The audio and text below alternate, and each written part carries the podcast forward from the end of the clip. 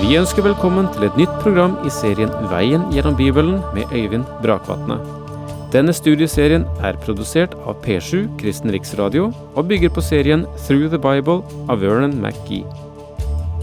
I dag fortsetter vi med Johannes' åpenbaring.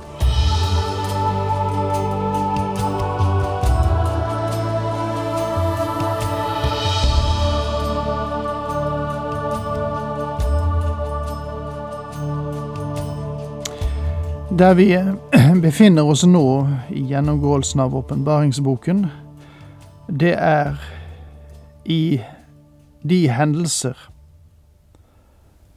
i de prosesser som foregår etter at den sjette engelen har blåst i sin basun. Dette er den andre i serier av syv deler som kommer etter hverandre nå i åpenbaringsboken. Og den sjette basunen fører til at eh, der kommer en røst som sier til den sjette engel, løs de fire engler som står bundet ved Eufrat, den store elven. Vi tok eh, for oss dette sist, og eh, vi trakk vel som en konklusjon, eller jeg ga dere som en konklusjon, at dette vi har foran oss her, er en inversjon av, av en demonisk verden, som er et videre resultat av at Satan åpner døren til avgrunnen, som vi, vi har sett tidligere at det er gitt ham en adgang til. Og eh, jeg tror at beskrivelsen av rytterne som kommer, er eh, en bekreftelse på det. Og nå skal vi lese om igjen vers 17 og 18 i Åpenbaringen 9, som vi bare rakk å sitere før vi måtte forlate hverandre sist. Og i mitt syn så hestene og rytterne deres slik ut. Mennene hadde brynjer som var ildrøde, mørkeblå og svovelgule.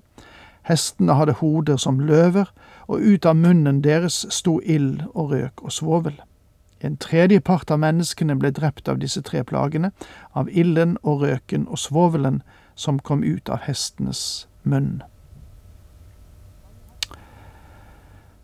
Mange har påstått at dette er en beskrivelse av tanks, altså av krigsredskapet tanks. Hvordan vet du at tanks vil bli brukt under den store trengsel? Ja, her taler vi om en, en periode i fremtiden, og en moderne armé med tanks er selvfølgelig tenkelig, men jeg har en følelse av at det nok blir noe mer raffinert og annerledes under det skrekkveldet som beskrives her. Legg merke til at fargene er slående på samme tid som rytterne er unaturlige. Hesten er krigsdyr, slik hesten ble betraktet. Les bare hva som står i Jobbsboken kapittel 39 fra vers 19 til 25. Underverdenen fører nå krig mot mennesket, og disse skapninger fra underverdenen har en egen karakter. De er demoniske og demonkontrollerte, og her møter vi en viss beskrivelse. For eh, den som tror, trengs sjelden kommentarer. Problemet med oss mennesker når vi kommer til åpenbaringsboken og sier at den er vanskelig å forstå og umulig å tolke, er at vi ikke tror den. Om vi ganske enkelt tror den og leser den, så er den ganske klar.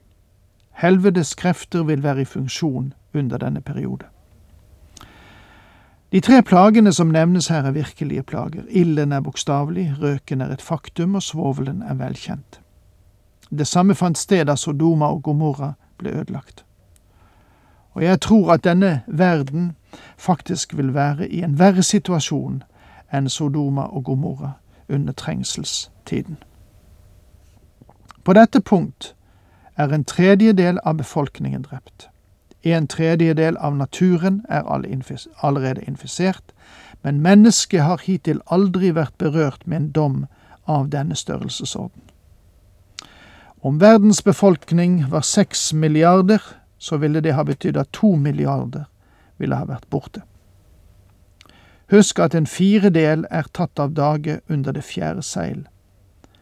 Denne fryktelige desimering av jordens befolkning syntes å være en umulighet, historisk sett, frem til atombommen falt i Hiroshima.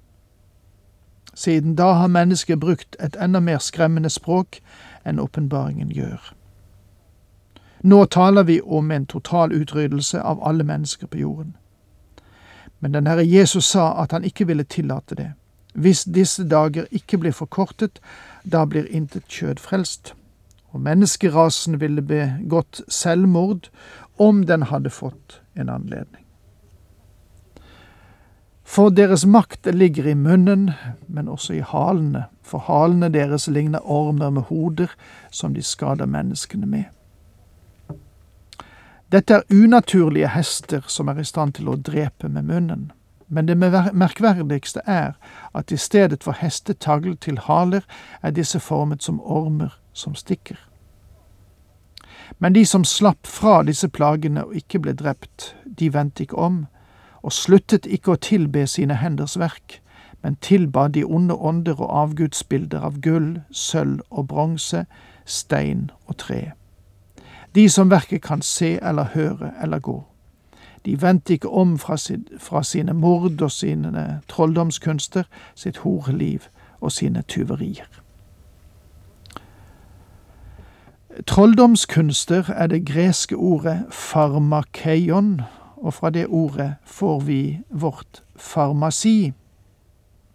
Farmasi har med legemidler å gjøre, men i sin opprinnelige form mest droger. Under den store trengselstid blir drogene, vil si de narkotiske midler, ikke kontrollert. Droger vil spille en stor rolle i de ufrelstes liv og vil tjene flere hensikter.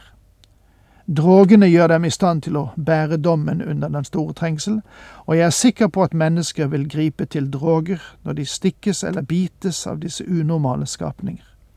Selv om de ikke vil dø, vil de føles som om de holder på å dø. Som et resultat av det griper de til medikamenter for å overvinne smerten, og som hjelp til å holde ut trengselen. Så langt jeg kan forstå det, vil også dette vinne innpass i den religiøse verden ved denne tid.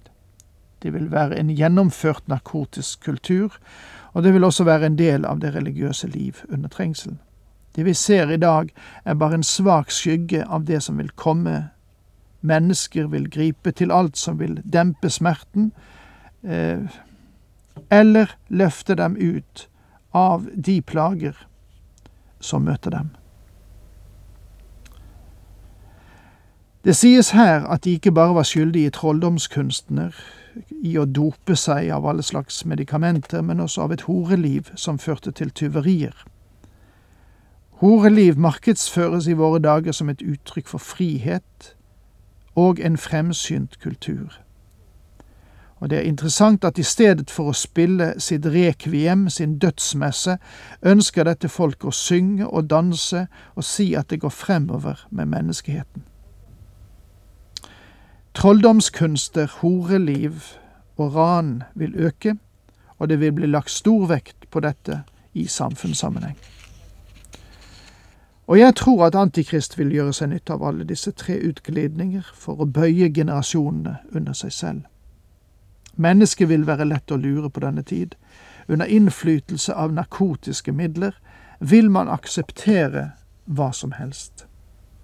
Paulus skrev, Når den lovløse kommer, har han sin kraft fra Satan, og han opptrer med stormakt og med under og falske tegn. Med alle slags urett forfører han dem som går fortapt, fordi de ikke tok imot og elsket sannheten, så de kunne bli frelst. 2. Tessalonika-brev, kapittel 2, vers 9-10. Jeg tror at evangeliet vil nå hele skapningen før bortrykkelsen, og evangeliet blir ganske sikkert hørt under den store trengsel. Det Paulus beskriver her, vil bare skje med dem som har forkastet Guds ord. Derfor sender Gud over dem en villfarelse som virker i dem så de tror løgnen, og slik skal de få sin dom, alle de som ikke trodde på sannheten, men hadde sin glede i uretten.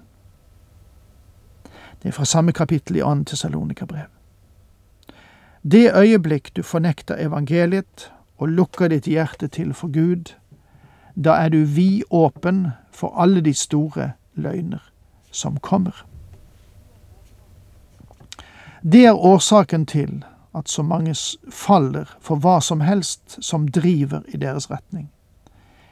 En har sagt at de som ikke står for noe, vil falle for hva som helst. Og det tolker vi inn i vår dag slik. De som i dag ikke står for Guds ord, er lette ofre for enhver kult. For enhver overtro, for enhver sanselighet. Da begir vi oss inn i kapittel ti. Og her møter vi et mellomspill mellom sjette og syvende basun. Altså, kapittel ti er mellomspillet mellom sjette og syvende basun. Dette kapittel er det andre av en serie mellomspill. Mellom sjette og syvende seil var det et intervall der to grupper ble forløst og merket under den store trengsel. Og her, mellom sjette og syvende basun, har vi et mellomspill der tre skikkelser blir introdusert. Og i dette kapitlet får vi en beskrivelse av den mektige engelen, og i de første 14 versene i kapittel 11 møter vi de to vitnene, selv om de ikke blir identifisert. Jeg så en annen mektig engel stige ned fra himmelen, han var kledd i en sky og hadde regnbuen om sitt hode, og ansiktet var som solen og føttene som ildsøyler. Det har vært en klar meningsforskjell mellom fremstående og konservative bibelfortolkere når det gjelder denne engelens identitet. En rekke av dem ser på denne engelen som Kristus. Andre ser på ham som bare en spesiell engel med stor makt og autoritet, men ikke Kristus. Selv heller jeg til den siste oppfatningen.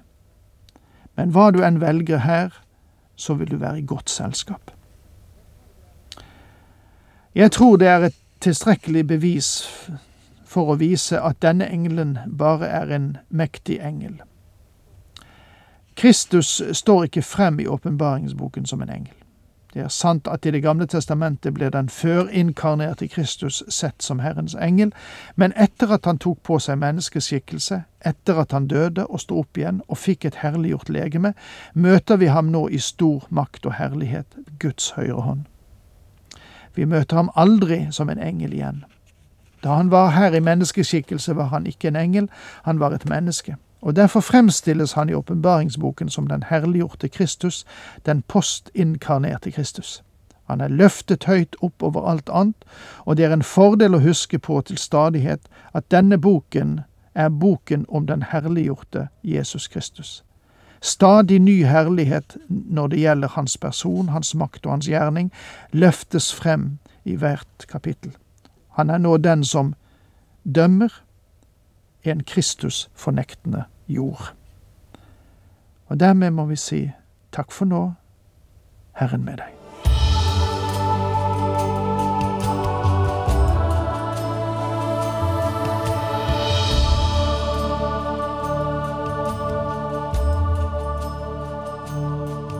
Du hørte Øyvind Brakvatne i studieserien Veien gjennom Bibelen. Serien bygger på et manus av Vern McGee. Har du spørsmål eller kommentarer til programmet, kan du sende en e-post til vgb krøllalfa p7.no. Takk for i dag, og på gjenhør.